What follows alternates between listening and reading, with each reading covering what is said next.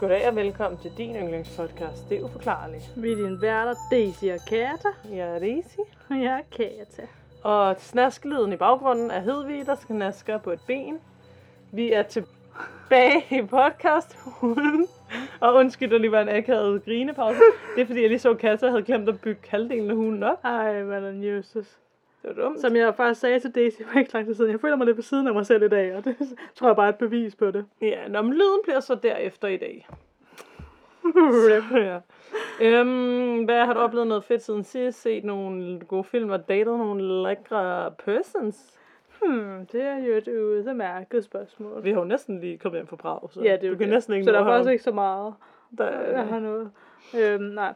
Men ja, det var også det, vi lidt snakkede om før. Altså, nogle gange så kan man godt have den der følelse af, når man kommer hjem fra en ferie, og så har man lige brug for en ferie. ja. Eller sådan, fordi det er jo virkelig sjovt, eller synes jeg i hvert fald, sådan, at være afsted og sådan, opleve nogle ting og sådan noget. Øhm, og være på eventyr, men sådan, det er jo også hårdt.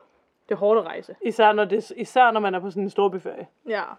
Altså, det. når det ikke er sådan en af... Men selv sådan nogle afslappningsferier kan godt være hårdere at komme hjem fra. Ja. På en eller anden måde. Men jeg tror, men det er jo også bare den mentale ting af, at man er væk hjemmefra, og sådan, altså, Ja, det er bare hårdt. det er sgu hårdt, ja. Ja, hvad hedder det? Jeg, for det første havde jeg en del ting, jeg egentlig skulle have nået her i weekenden. Ja. Men det er nok den første weekend i, jeg ved ikke hvor lang tid, hvor at jeg sådan legit ikke skulle være nogen steder. Ja.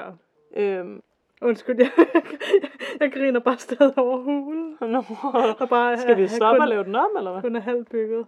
Nej, Vi håber, lyden er ok. ja, jeg tror, jeg tror, det er nogenlunde fint nok. Tror du ikke? Ja, semi, semi. Altså Hedvig gnasker alligevel i baggrunden, så dårlig lyd er der. Men nej, der var ved at sige, øh, det var, at sådan, jeg skulle ikke fysisk være, jeg havde en del ting, jeg skulle lave arbejde af hjemme på computeren, Ja. men sådan, jeg skulle ikke fysisk være nogen steder, som jeg normalt skal. Ja. Øhm, hvilket resulterede i, at jeg selvfølgelig fik lavet røv og nøgler, selvom jeg normalt er ret effektivt, og fik set to dokumentarserier på øh, henholdsvis Netflix og HBO, og to dokumentarserier på DR1 Mm. på en weekend, og jeg ser normalt aldrig sådan tv på den måde. Måske lige sådan 20 minutter, inden jeg falder i søvn, eller sådan, men jeg ser aldrig tv, sådan som andre mennesker ser tv, vel sådan flere Ja. timer hver aften. Så det var en oplevelse. Jeg fik ikke noget, det jeg skulle, men øh, jeg fik da lært en masse. Ja. Men jeg tror også, det er sundt en gang imellem, ikke for tit, men en gang imellem, og Koble af. ja, bortset fra, at jeg er jo så stresset over, at jeg ikke lavede de ting, jeg skulle. Jeg tror, det er Ja. sundere at koble af, når man har noget af de ting, man skulle. Ja. Men ja, Men ja. stadig. ja det var interessant. Nu skal jeg ligesom, jeg kan udtale den Netflix-serie, jeg så. Ja. Øh, fordi begge serier, jeg så på Netflix og HBO, var øh, om samme true crime sag. Mm. Mm, den hedder... Den hedder... Mord... Murdoch... Nu kan jeg ikke udtale det. Murdoch Murders. Alle kender det mor. Mm. A Sudden Scandal. Og på HBO... Ja, der kan man søge på det der Murdoch Murders også. Den hedder noget andet. Især den på Netflix, synes jeg var virkelig god. Begge, begge dokumentarserierne var gode. Det er en vild sag. Men det vil jeg anbefale. Ja. Ja, det var det. Skal vi gå i gang? Lidt styrt. Hvem starter? Jamen, det er jo så det store spørgsmål. Jeg var lige inde og tjekke før, og ja, sidste gang var det jo en mystisk kort, men forrige gang, der var det dig, der startede. Nå, men så starter du jo. Så jeg ved ikke, om jeg simpelthen bare skal go for it. Ja, yeah, you go for it. Okay, det er okay. Jamen, jeg skal snakke om kammer... Åh, ej, jeg, jeg ved ikke, hvordan man udtaler det. Og jeg lyttede ovenikøbet til det så sent som i går, faktisk. Sådan, og nu har jeg allerede glemt det igen. Kammerdaban, det er så forkert, men jeg håber, I bærer med mig. Men Kabardaban, ulykken. Nå. Kabardaban er en øh, hvad hedder det, bjergkæde i Rusland, som har været en populær turistattraktion, hvis man er interesseret i at vandre og sådan noget. Men i 1993, så var der så seks turister, og det er sådan en fejl, jeg er ret sikker på længere nede i sagen, at det bliver til syv. Så ja, jeg tror, det er syv turister. Det er bare, fordi jeg kommer til at skrive seks i mine noter. Men der var syv turister, der tog den her tur til bjergkæden, hvor at kun en af dem vendte tilbage igen. Vores historie her starter ved en Ludmila Kordovina, som var en 40-årig vandreinstruktør, som havde mange års erfaring med både at vandre og overleve i naturen. Hun var kendt for at have en sådan lidt tough love tilgang til sine elever, og hun pressede dem ofte til deres grænser. Hendes elever var tydeligvis glade for den her tilgang, og de beskrev Ludmilla som en fantastisk lærer, som gav dem selvtillid og lærte dem alt, hvad de havde brug for at vide, når de skulle vandre. Så har jeg et billede af Ludmilla til dig. Hun ligner ikke en outdoor person. Hun har sådan poppet op, fine krøller, næsten Marilyn monroe og fin makeup og små fine læber. Hun ligner ikke en, der er ude the outdoor. Hun må være pipstet op til det her billede. Ja. Hun er køn. Men ja. Nå, sommeren 1993, så havde Ludmilla her planlagt en vandretur med seks af hendes elever. Turen gik til Karmadarban bjergkæden, og det var et område, hun havde meget erfaring med. Det var desuden anset som et meget sikkert sted at vandre, især om sommeren. Og eleverne her, de havde ligesom trænet op med hende specifikt til den her tur.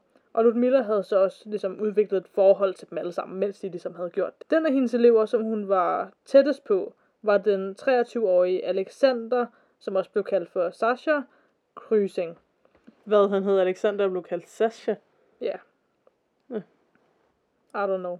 Det er sgu da rigtigt. Jeg gik sgu da også i klasse med en i folkeskolen, der i virkeligheden hed Sa- øh, Alexander, men blev kaldt Sasha. Nå, Gud.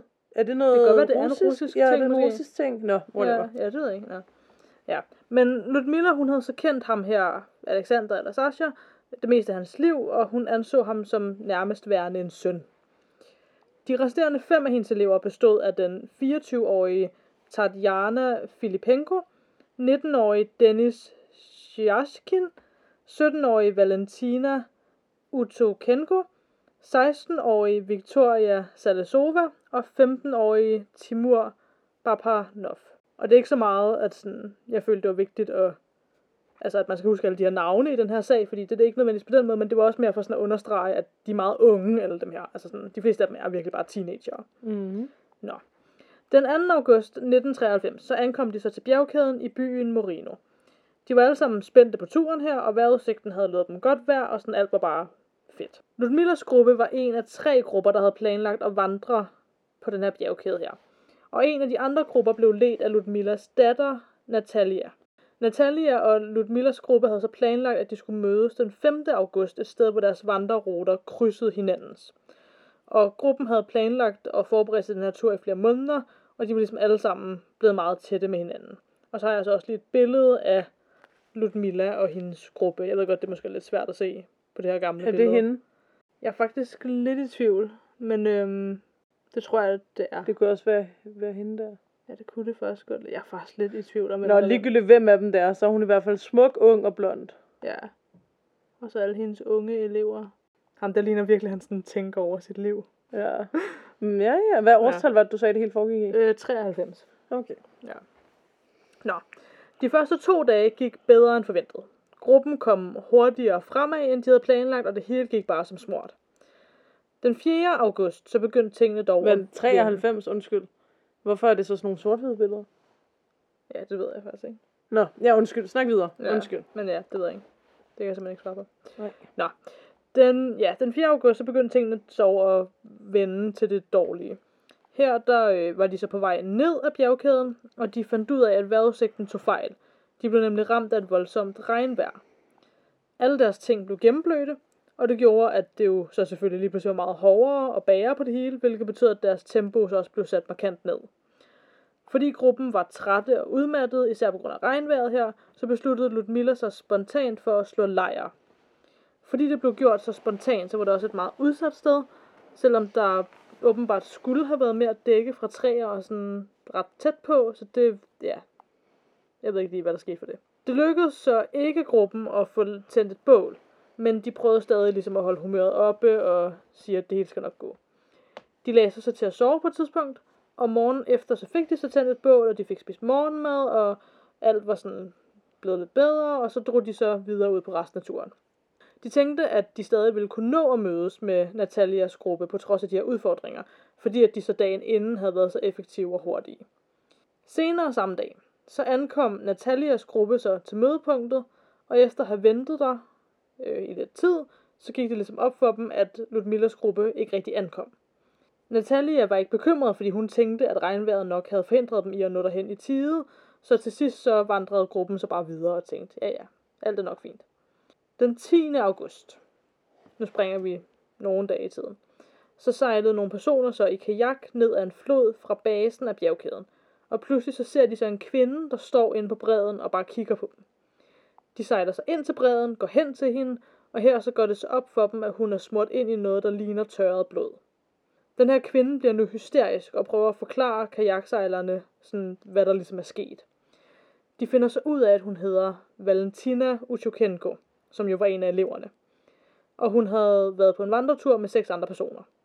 Det hjalp hende så og tog hende med til den nærmeste politistation, men det var åbenbart først flere år senere, at hun formåede sådan helt præcist at kunne fortælle, hvad der egentlig var sket. Så har jeg så et billede af Valentina, men altså fra da hun var lidt yngre, end hun var på den her vandretur. Køn, mørkhåret, krøllet hårs pige. Ja. Ja. Simpelthen. Nå, det der var sket ifølge Valentina var det følgende. De havde spist morgenmad sammen den 5. august der efter regnvejret, og var så taget videre afsted. Pludseligt, ikke særlig lang tid efter, at de var gået fra den her spontane lejr, de havde lavet, så begyndte Sasha, som gik bagerst, at skrige. Alle de andre vender sig selvfølgelig om for at se, hvad der er galt, og når de gør det, så kan de se, at han bløder fra øjnene og ørerne, og hans mund havde frået om sig. Han faldt om på jorden i kramper, hvorefter han til sidst lå helt stille. Ludmilla løber hen til ham, mens hun råber til de andre, at de bare skulle fortsætte med at gå videre. Hun prøver desperat at få ham til bevidsthed igen, men det lykkedes hende ikke. De andre elever øh, gjorde så, som Ludmilla sagde, og begyndte at gå videre igen, men kort efter så hører de så Ludmilla skrige op. Og da de vender sig om, så skete præcis det samme for hende. Blod kom ud af hendes øjne og ører, og hun havde frøder munden. Og til sidst så falder hun så om oven på Sasha. Tatjana nåede først hen til Ludmilla, efter det her ligesom skete, men kort efter tog hun sig så til halsen, som om hun ikke kunne få vejret, hvorefter hun også falder ned til jorden. Hun kravlede nu hen til en stor sten i nærheden, som hun begyndte at slå sit hoved ind i, indtil hun til sidst slog helt stille på jorden. Victoria og Timur begynder nu at løbe væk i redsel. Dennis gemmer sig bag en sten, og Valentina står bare helt frosset og kigger på, ja, tre af nærmest hendes sådan, tætteste venner, som lige var døde for øjnene af hende. Både Victoria og Timur, som var begyndt at løbe, de får nu også nogle af de samme symptomer og falder døde om kort efter, de var begyndt at løbe væk. Og det var så, ja, noget de så også gjorde, de to, det var, at de begyndte med ligesom at hoste blod op, og de prøvede også febrilsk at flå deres tøj af. Dennis og Valentina, som nu var de eneste overlevende, skynder sig væk sammen. Der gik dog ikke sådan særlig lang tid, før at Dennis også falder om på samme måde, og Valentina var nu helt alene. Det eneste, hun havde på sig, var et telt, det tøj, hun havde i sin rygsæk, og det var det. Da hun følte, hun ligesom var kommet langt nok væk fra de andre, så øh, slog hun teltet op og lagde sig til at sove for natten. Da hun så vågner dagen efter, så går det ligesom op for hende, at hun rent faktisk stadig er i live, og det betyder ligesom, at nu bliver hun nødt til at overleve. Hun vidste ikke, hvordan hun skulle gøre det uden gruppens udstyr, så det hun ligesom beslutter sig for, er, at hun bliver nødt til at gå tilbage igen til hvor de andre er døde. Når hun så kommer derhen, så ligger de alle sammen fuldstændig som de var døde dagen inden, og hun skynder sig ligesom bare at tage de ting, hun har brug for, øh, efter hun begynder at gå langs nogle elledninger, og ligesom bare prøve at følge dem. Det er meget klogt. De fører nok til en form for civilisation. Ja, præcis. I fire dage, så gik hun så ned ad bjerget langs de her elledninger, og håbede, at hun ville støde ind i nogle mennesker. Til sidst så finder hun så en flod, som hun så begynder at følge. Jeg ved ikke helt, hvorfor hun stopper med elledningerne og følger en flod. Ja, for det første, så kan man sige, hvis hun ikke kan komme over floden med elledningerne. Ja, det kan og der er også noget det der med, hvis du går med vand, så kommer du altid højst sandsynligt til en form for altså, civilisation på et tidspunkt. Fordi ja. så går du i hvert fald ikke i ring. Ja, det jeg har rigtigt. hørt et andet med, at man skal følge floder. Ja. Fordi at typisk ligger byer og sådan noget jo ja. i nærheden af floder. Ja, det giver mening. Ja. Ja, hun følger så den der flod der, og hen mod slutningen af den fjerde dag her, så er det så, hun bliver fundet af de her kajaksejlere. Og, og plus så er der vand. Ja, det er rigtigt. Hvis det ikke er salt vand, selvfølgelig. Ja. Så har jeg lige et lille kort til dig her, ja. hvor man ligesom kan se sådan, hvor de startede henne, ja. hvor at de øh, lavede den der spontane lejr, hvor at de døde henne, hvor Valentina blev fundet. Okay, og hvad er det der den runde, de skulle have gået? Ja, det var så, det her, det var der, hvor de skulle have mødtes med Natalias gruppe. Ah. Og det her var, hvor deres hele vandreturen skulle slutte. Okay. Ja. Hmm. Ja. Spændende. Nå. Valentina havde svært ved at fortælle politiet præcis, hvad der var sket. Og det tog dem så også to dage at finde ligen af de andre fra en helikopter. Men det, der også var med det, var, at de begyndte ikke at lede med det samme. Der gik nemlig 14 dage, før de sendte folk ud for at lede efter den her gruppe af folk. Why? Det er jo så et spørgsmål, man ikke nødvendigvis ved. Men jeg har lidt mere, jeg vil sige om det lidt senere. Okay. Yes.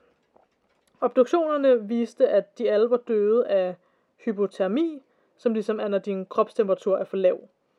Det var så med undtagelse af Ludmilla, som var død af et hjerteanfald. De havde alle sammen forslået lunger og mangel på protein, blandt andet på grund af fejlernæring. Og de her ting stod ligesom også som en hvad hedder det, bidragende grund til deres død. Det lyder umiddelbart, synes jeg i hvert fald, ekstremt mærkeligt i forhold til Valentinas forklaring, så det vi skal gøre nu, det er, at vi skal kigge lidt på nogle teorier.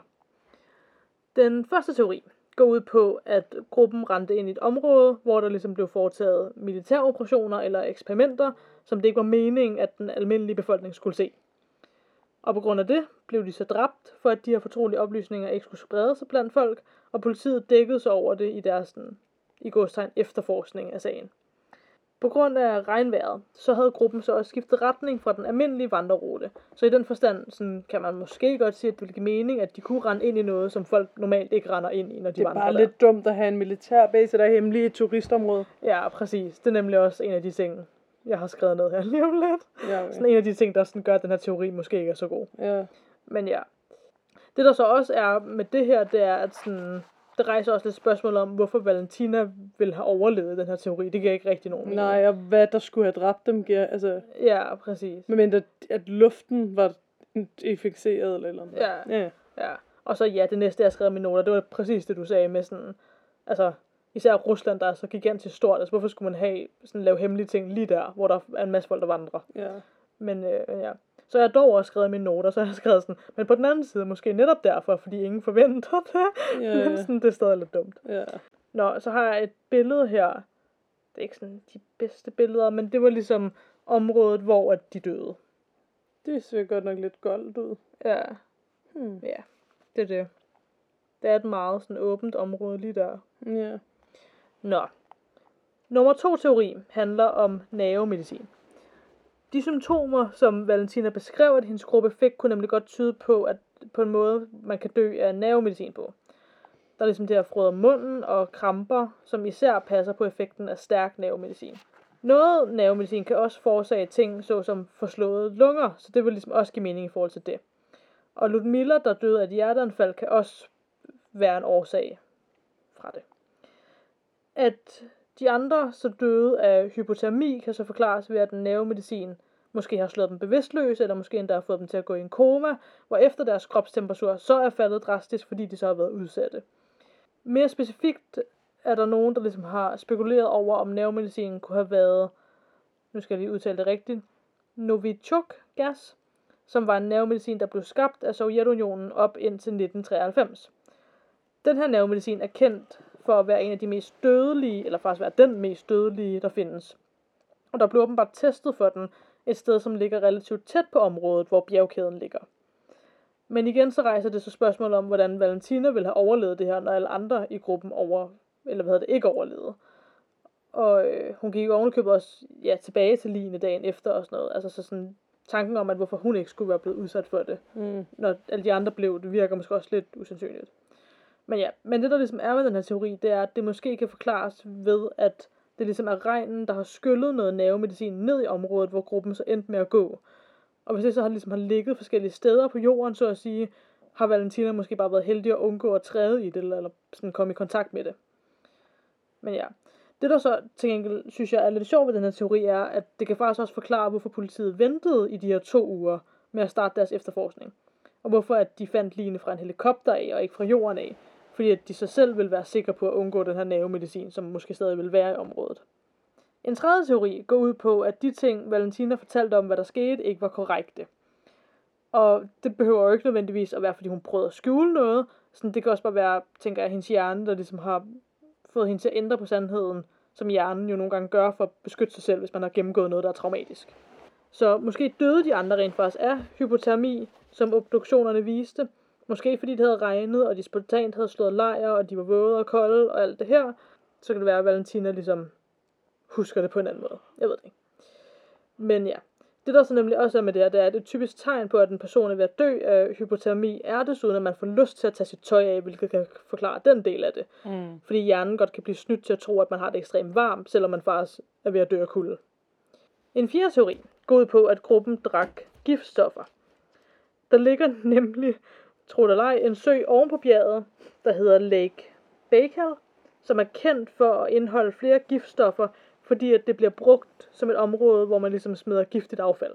Det lyder dumt. Præcis. Og hvis det så måske netop er det her regnvejr, der har skyllet vand og giftstoffer fra søen ned til der, hvor gruppen befandt sig, og så har den lagt sig som små søer, så kunne det være det, som gruppen ligesom er blevet, altså er kommet i kontakt med. Og måske havde Valentina så ikke været i kontakt med det lige så meget som de andre, eller ja, der kan være nogle ting der. Det kan det umuligt stadigvæk bare hælde giftstoffer ud i naturen. Ja, nej, forhåbentlig ikke i dag i mere. Nej. Men ja, det er mærkeligt. Nå. Det der så måske er lidt mærkeligt ved den her teori, det er, at sådan, hvis det rent faktisk var det, der var sket, hvordan kan der så ikke være nogen andre folk, der vandrede på bjerget, der ligesom også blev udsat for det her? Men vi hørte da aldrig, hvad der skete med den anden gruppe. Sluttede bare deres vandretur og kom sikkert frem. Ja, Altså, der skete ikke noget med dem. Okay. Men ja. Nå, en af de sidste teorier går så ud på, at de måske havde spist nogle giftige svampe. Fordi Ludmilla var nemlig kendt for at gå op i og sådan finde svampe og andre interessante ting, man kan spise, så at sige. Og det var så også noget, hun lærte videre til sine elever. Men den her teori går så ud på, at hun måske begik en fejl ved at komme til at tage nogle giftige svampe, så som dræbte de andre i gruppen, mens Valentina enten har spist mindre end de andre, eller måske har haft en tolerance over for det sådan rent genetisk eller et eller andet. Fordi det der nemlig også er med det her, det er, at der er bestemte svampe, der ja, kan få en til at hallucinere, og et kendt syn er åbenbart, at man faktisk kan, altså et, et syn, man kan få af nogle svampe, er, at man kan se andre folk græde blod, selvom de ikke gør det. På grund af det, så er det ligesom også, at den her teori rent faktisk inkluderer Valentina mere som en del af det, end sådan mange af de andre teorier gør, hvor hun lidt er en outsider, hvor det, sådan, det ikke rigtig giver mening med hende. Ja.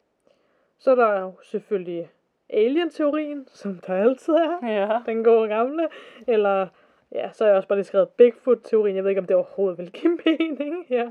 Men I forstår, altså der er ligesom alle de andre øh, teorier, som vi også altid kan, kan snakke Ja, om. altså jeg tænker jo også, selvom det er lidt nederen, hvis hun virkelig har været ude for noget traumatisk, ikke? Ja. Men jeg tænker jo også, om hun på en eller anden måde har været skyld i deres død, og så bare lyver. Ja, Altså, det er jo Ja, den ja. oplagte, ikke? og det kan jo sagtens have været et uheld, men hvis hun stadig sådan tænker, det kan jeg jo ikke sige, Ja. hvis det er ja, er noget, hun har gjort, teknisk set.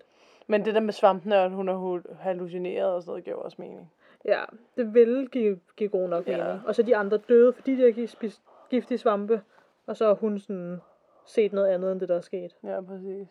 Spændende. Ja, jeg kan lige hurtigt sige tak til medium.com, ing.dk og fandom.com. Ingen treehuggers. God gamle treehuggers. det er stadig den bedste kilde, jeg nogensinde har Ja, fået. også bare fordi, at min hjerne lige skulle fatte den. Jeg var sådan, treehuggers. det er virkelig en hjemmeside. Nå, men så er det vel min du er du. Jamen, der er det der, der er det der. Hvis du bor i New York, vil du med, med garanti have hørt legenden om La Veta Place nummer 1, som blev anset for at være et lovligt hjemsøgt hus i 1991 af selveste New Yorks højeste ret. Levetta Place er et særligt eftertragtet blind vej i pendlerbyen Nyack. Bygget i 1890, så er der altså den her trætræsers viktorianske hus, som ligger på nummer 1, som er øh, konstrueret af vandrette træpaneler. Den er sat på grunden lidt tilbage med en fin græsplæne rundt om, og så er det hæde med en udsigt ud over floden fra næsten alle rum og vinduer i huset. Huset har et charmerende tårn, og så har den også sådan en fin veranda og en indhegnet pool. Der er otte soveværelser, fire og et halvt badeværelse. Men på trods af rummeligheden, så er det her hus designet til at føles hjemligt og trøstende, med kroge, som er intime og hyggelige, skåret ud på finurlige måder overalt. Nogle af de tidtypiske detaljer inkluderede farvede glasruder, trægulve, kunstværdige små lister og soverum. Men hvis det her hus er så hyggeligt og fint og udsigt over floden, hvorfor er det så, at det i flere omgange har, har været svært ved at blive solgt. Så har jeg faktisk noget for en ejendomsmaler, men jeg overvejer enten at droppe det, eller snakke om det til sidst. Uh. Nu skal jeg lige finde, hvor min sag så starter. Fordi det er almindeligt kendt i området, at Lavetta-huset er hjemsøgt. Bum, bum. Dam, dam, dam. Heldigvis er Lavetta ikke et sted, som er hjemsøgt efter, at der er blevet begået øh, mega store mor og tragedier og sådan noget, i hvert fald ikke, hvad man ved af. I stedet kan rygterne om spøgelserne her spores tilbage til en Reader Stiglitz artikel fra midten af 1970'erne, kaldet Our Haunted House of the Hudson, skrevet af beboeren til huset, Helen Ackley, kone til George Ackley og mor til fire børn, som nu er voksne. Ikke? Hmm. Her i så skrev hun om familiens mange spøgelsesagtige bofælder, øh, men at de boede lykkeligt sammen med dem i hjemmet. Begge forældre i huset oplevede altså de her hjemsøgelser. Mest bemærkelsesværdigt, især ifølge George her, var en, øh, et par, som han så tit gå forbi ham på trappen. Og der var også på et tidspunkt, hvor Helen hun sad og malede i et, et rum, og så dukkede der en mand op, imens hun malede det her rum. Øh, og hun fik ligesom følelsen af, at han ligesom inspekterede sådan, om hun nu gjorde det, og godt nok, ikke? Ja. Datteren Cynthia, som øh, gik på gymnasiet, da de flyttede ind i huset, hun blev vækket dagligt af, at hendes seng rystede.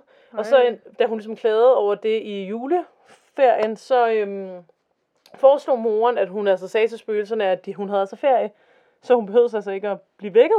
Og det gjorde hun så, inden hun gik i seng. Der sagde hun bare sådan, bare så I ved det, jeg har så juleferie. Og så øh, vækkede beboerne hende ikke. No. Ja, og generelt så var der rigtig meget med, at, sådan, at de oplevede dem. Der var også på et tidspunkt, hvor Cynthia kom ind på sit værelse, og så sad der en ung kvinde og børstede sit hår og kiggede sig i spejlet. Og så havde hun været sådan, øh, undskyld, og så havde kvinden bare kigget på hende og sådan børstet videre, og så var Cynthia gået ned i tv-stuen og var sådan, jeg ser lidt kvarter mere tv, og så var hun gået op, og så var hun væk. Hold Men da. sådan, det var ikke en dårlig energi, nogle af de her Nej, spøgelser, nej. det gav. Det var ligesom en, øh, ja. Men det er også, det skal siges, altså allerede da de flyttede ind, så mødte Cynthias mor nogle børn øh, ude på gaden, der havde været sådan, ved du godt, at du har købt det hjemsøgte hus, og moren havde været sådan, nå, agtigt, ikke? og ja, og generelt var der sådan en historie med, at når de havde folk ude fra overnattende, så det første faren gjorde ved morgenbordet, var sådan, at han tog en slurk af sin kaffe, og var sådan, Nå, nogen der har oplevet noget her i nat. Og sådan, de oplevede bare en masse, ikke? Nå. Spol frem til 1989, cirka 25 år efter, at familien Ackley flyttede ind på Lavetta Palace, eller Place, undskyld, og 15 år efter, at den her artikel øh, blev trykt, øh, hvilket kun ligesom styrkede det her med, at huset var hjemsøgt i lokalområdet, ikke? Men nu var Helen altså klar til at flytte noget mindre. Hendes mand var død, og det var ligesom et stort hus og meget vedligehold, ikke? Så hun besluttede sig for at sætte huset på markedet med noget, der hedder Richard Ellis øh, Realty, eller, eller hvad hedder sådan noget, øh, real estate. ja. Og det blev sat til salg for 800.000 dollars. Og Helen her, hun var så begejstret, da et ung par, hvad jeg har kunne spore til, hed Jeffrey og Patricia Stamberisky, øh, som var ivrige i ligesom at få kontakt til hende og købe huset. Ikke? Ifølge både Ellis som ejendomsmæling og Cynthia, som senere fortalte det, så afslørede Helen, som var moren, faktisk, at huset havde været hjemsøgt i nogle samtaler, hun havde med køberne. Ikke? Men altså køberne, Strambergs hævder, at de først fandt ud af det, da de ligesom snakkede med nogle øh, håndværkere i området, da de ville købe huset til ligesom at sådan reparere på huset, hvor de sagde, mm. når du har købt øh, det hjemmesøgte hus, agtigt, ikke? Men altså ligegyldigt hvordan og hvorledes de har fundet ud af det her med spøgelserne, så blev Helen altså pludselig underrettet om, at det her unge par altså ikke alligevel ønskede at købe huset, og det sagde de efter, at hun havde øh, modtaget udbetalingen. Altså når man køber et hus, er det jo sådan, man skriver under for en udbetaling, så går der været et par måneder, og du har noget tid til at strække, trække dig, og der er alle mulige regler, ikke? Mm. Og så anlagde de faktisk sag af anmod hende, fordi at de mente, at hun havde været, øh, hvad kalder man det, ikke, ikke givet ordentlig information om huset. Mm. Ja. Først så afviste retten altså klagen om det her, ikke? Og sagde, at Helen ikke havde haft pligt til at afsløre, at der var hjemsøgte hus i øh, hjemsøgte folk, havde nok. Hvad er det på at sige? Hun skulle ikke nødvendigvis sige, at huset var hjemsøgt. Nej. jeg Med mindre, forstår. at de direkte spurgte hende. Ja. ja ikke? Det skyldtes, at statens New York øh, opererede under noget, der hedder Cavat Emter, som oversættes til Bayer Pass på, på latin, eller sådan, det er køberen, der skal være på vagt, hvis det giver mening, ikke? Ja. Det er køberen og ikke sælgerens ansvar at gøre øh, og finde ud af ligesom, så meget som muligt at spørge ind, sådan, så man finder ud af om ejendommen. Ellers er det ligesom sådan, hår, lidt ligesom hvis du sælger et par bukser, der er hul i. Det er bare jo det for agtigt, ikke? Ja. I den kendelse forklarede dommeren, at det er allerede svært nok at, øh, at få sat et, salg, et, salg til, eller et hus til salg, og man, altså, det også ville være lidt besværligt, hvis man også skulle have en klaverjant ind, hver gang du skulle sælge et hus, til ligesom at Ja. bevise, at der ikke var nogen spøgelser, Ja. ikke? Så appellerede familien, den, eller det unge par her, Stambowski, så afgørelsen for den første klage til New Yorks højesteret. De er helt vilde, ikke? Dommer Rubin var uenig i den tidligere afske, øh, afs, hvad, afs, hvad kalder man det, deny af retten. Altså, hun mente, at der var noget i det, ikke? Mm. Og så sammen med to andre dommer, så fik de så i flertal en mening om, at, øh, at det her med, at køber selv skal være have ansvaret, øh, skulle tilsidesættes, hvis der var en form for defekt ved huset, som ikke var fysisk. Altså, de, de mente ligesom, at, ja, altså, at, at der burde siges noget, hvis et hus var hjemmesøgt, ikke? Ja. Derudover, så, så de ændrede ligesom, hvad kalder man det, den regel, der ligesom var i samfundet, ikke? Mm-hmm. Og faktisk så skrev retten så specifikt, efter at have rapporteret spøgelsernes tilstedeværelse i den her, øh, det her hus, øh, både ifølge lokal presse og i folks omtale, så kan vi ikke benægte deres eksistens, og i forhold til loven, så er huset hjemsøgt. Jeg har lige oversat det, så det er nok noget lidt andet i forhold til engelsk, ikke? Ja, og det her, det, det er lidt mere sådan, hvis vi går ned i den her lov og sådan noget, men det der med, at der kommer en ændring af lov og sådan noget, altså noget, der stadigvæk bliver undervist i på øh, juriskoler og sådan noget. Damn. Sidenhen har Lavetta altså skiftet, øh, hvad hedder det, ejer en del gange, og som ejendomsmaleren, ligesom, som har været inde over, som var ham at lige vil fortælle, hvad han mener om huset her til sidst, så er det måske fordi, der er en bestemt energi derinde, ikke? Øhm, og så vil jeg lige hurtigt sige, hvad han har at sige om huset. Han har sagt, eller skrevet på deres hjemmeside, Ja. som jeg har fundet. Mhm. I løbet af mere end to årtier har jeg haft mulighed for at repræsentere et salg af det her hus to gange. Har ligesom set indersiden af det her hus, som også er blevet kaldt Ghostbusters House. Tag et skridt tilbage i tiden til slutningen af 1980'erne, og jeg var i starten af min karriere som ejendomsmælder. Jeg blev bedt om at repræsentere øh, Lavetta Place nummer 1, et hus fra slutningen af 1800-tallet, der havde været på markedet et par år hos en anden maler. Ejeren, fru Ackley, som er Helen, var meget stolt af sit hus, men hun insisterede på, at hun ikke var den eneste indbygger. Hun beskrev to kvinder i, i øh, bøjlekjoler og en lille mand i en rød fra, øh, frakke fra uafhængighedskrigstiden, som hun mente også boede der. Dette faktum øh, så ikke ud til at forstyrre fru Ackley, men jeg kan huske, at jeg ofte blev nervøs ved at gå ned i den sto- meget store mørke kender for at tænde et af de få lys, som var der. Efter cirka et år var der en køber, som var interesseret at lade et depositum ned. Lige før at handlen lukkede, bad sælgeren om, os, om at rådgive køberne af spøgelseshuset her. Altså, så, så det var Helen, der selv var sådan her, du skal lige rådgive dem, ikke? Mm-hmm. Og hun sagde, at, at, at, at hvad det, han skriver, hun sagde, at han skulle sige til dem, at der var spøgelser, ikke? De ønskede dog stadigvæk at fortsætte, selvom at øh, det var et Ghostbusters hus, ikke? To uger efter, at kontrakterne blev underskrevet, ændrede køberen øh, dog sin mening. Sagen gik for retten, og mens øh, ejendomsmalerfirmaet, han siger mit firma, og jeg blev løs fra sagen, så blev ejeren, skråstrej sælgeren, holdt ansvarlig. I sidste ende blev sagen afgjort uden for retten, men undervejs afgjorde New Yorks højesteret, at hjemmet var lovligt hjemsøgt. Som resultat af loven om ejendomstilladelse i New York State ændrede for en kort tid, det var det, jeg forklarede om tidligere, ikke? Hvilket krævede, at maleren automatisk skulle oplyse, om en boligejer sagde, at de havde spøgelser. Ikke? Mm. Siden da er hjemmet gået over i popkulturens historie, med medier fra hele verden, der dækker den her historie, inklusive os. Da hjemmet så kom på markedet, igen viste jeg det til flere kunder, og man fortalte historier om, at man følte, at man stødte ind i noget på gangen. Til sidst blev boligen solgt, solgt for omkring den samme pris, som det var solgt for den første gang. Spol frem til omkring år 2012, og den tredje ejer efter fru Ackley ringede til os for at liste eller sætte boligen til salg. Selve, øh, selvom ejeren ikke nævnte spøgelserne, havde jeg min egen overnaturlige oplevelse den første dag, jeg havde fremvisning der. Altså første dag med den her ejer, ikke? Ja. Da jeg gik rundt i huset og tændte lyset, ringede det på dørklokken. Da jeg gik ud til tårnværelset på øverste etage og kiggede ud af vinduet, så jeg, at kunderne lige var ankommet til huset. Da jeg så tændte et lys, sprang en pære og startede en lille ild. Flammen blev større, og en skygge i nærheden brød i brand, før jeg så kunne slukke det hele. Var det et spøgelse, jeg stødte på den dag? Havde de noget imod, at huset skulle skifte hænder igen?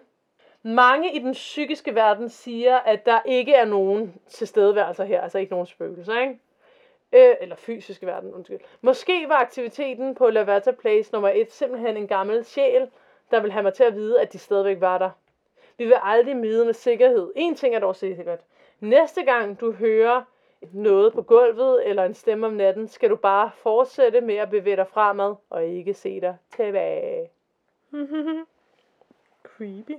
En artikel, hvor der står, at retten tror på spøgelser, og så et billede af huset, som den så ud på den tid. Det er jo lidt sjovt, faktisk. Det er meget spændende. ikke? Ja. Og her er et billede fra Google Maps i dag af huset. Mm. Nu er det malet blåt. Ja, det er et cute lille hus. Ja. Nu sidder jeg lige og kigger på det her, ikke? Ja. Og det ligner faktisk det Lavetta Place nummer 2, jeg har et billede af her. Nå, for Rip. søren. Nå, men det er et hus på vejen, du. Ja, det er det. Nå, tak til Elisothe by realestate.com, podcasten Criminal og housebeautiful.com. Hvad tænker du om det? Er det ikke meget sjovt, at retten har sagt, at hun, i At huset... der, det er hjemsøgt. Ja, Jo, det er ret sjovt. ja. Og, Ja. Ja. Jeg kan meget godt lide, at det bare var sådan lidt wholesome. Altså, at det bare Ja. var sådan... Jamen, de boede der bare sådan med de der spøgelser. Det var meget hyggeligt. Men det er jo lidt sådan, altså jeg har dog ikke oplevet at se folk, der sidder på min seng 7 i 13. Men det er jo lidt ligesom, når vi joker med, at der er spøgelser hos mig. Ja, Jeg tror altså på, at hvis der findes spøgelser eller energier eller et eller andet, det kan vi diskutere frem og tilbage, om der gør eller ja, ikke gør, ja, ikke? ja. Så tror jeg altså på, at hvis man bare ligesom... Altså, de kan jo ikke alle sammen være onde, Nej, men det er også det hvis de findes, eller sådan... Så må man ligesom bare være sådan, nå okay, men vi skal begge to være. Ja. Plus, at jeg tænker også, altså, hvis spøgelser, eller sådan, måske de fleste spøgelser, er folk, der engang har levet, og nu er spøgelser, eller sådan, at de er lidt på den måde, altså, så kan det jo også godt være, at det er ligesom alle mulige almindelige mennesker, at sådan, de er bare forskellige, og nogle Ja. er måske mere sådan generelt sure end andre, Ja. men sådan, altså, når man Ja. ligesom mennesker er forskellige. Ja. Jeg synes, det var ret syret, den der historie, men jeg har nemlig også hørt om det i min podcast, Ja, hvor at dem, der har boet, altså Cindy, datteren, selv er inde og fortæller om det, og hun fortæller det bare som om, sådan, når himlen var blå. Ja, Altså sådan, jamen sengen rystede altså. ja. Jamen, det var min historie. Ugens lys. Ugens lys. så var det stille. Vi var jo i Prag i sidste uge. Men det snakkede vi bare om i sidste uge, Og ikke? ja... Jeg skulle også til at sige, at, sådan, at mit ugens lys vil være alt det, for jeg fandt en masse fedt tøj dernede. Nå ja. Og det sådan, kan jeg jo for real nyde nu, hvor jeg er hjemme igen. Nå ja. Så tror jeg, at jeg tager... Hmm, så tager jeg ugens lys, at vi landede sikkert på jorden igen, begge flyture. Ja. Det er et lidt dark lys, men det er stadigvæk godt. Det, det er et smukt lys, synes jeg. Jeg synes også, det er vigtigt at huske at være taknemmelig for de der ting, man sådan godt lidt kan glemme at være taknemmelig for. Ja, det er sgu da for sindssygt, man kan flyve igennem landet. Nå, men faktisk, ja. Jeg synes, det er så mærkeligt at tænke på, at vi fløj. Eller sådan, jeg kan slet ikke forstå, at man flyver. Nej, Eller sådan, jeg forstår det jo godt, men jeg tror lidt, min hjerne bare tænker, det er et tog. ja. Altså, jeg forstår ikke helt det der med, at vi flyver. Nej, men det er også mærkeligt at Og jeg synes, på. det er fucking creepy, mand. Ja. Og det der med, at man kan træde ind i et fly Prag, og så går der en time, og så træder du ud i København. Ja, jamen, det er vildt. Ja, det er syret. Ja. Var det så det? Ja, det tænker jeg det. Jamen, så until then. Og til alle ånderne derude. Please don't hjemmesøge.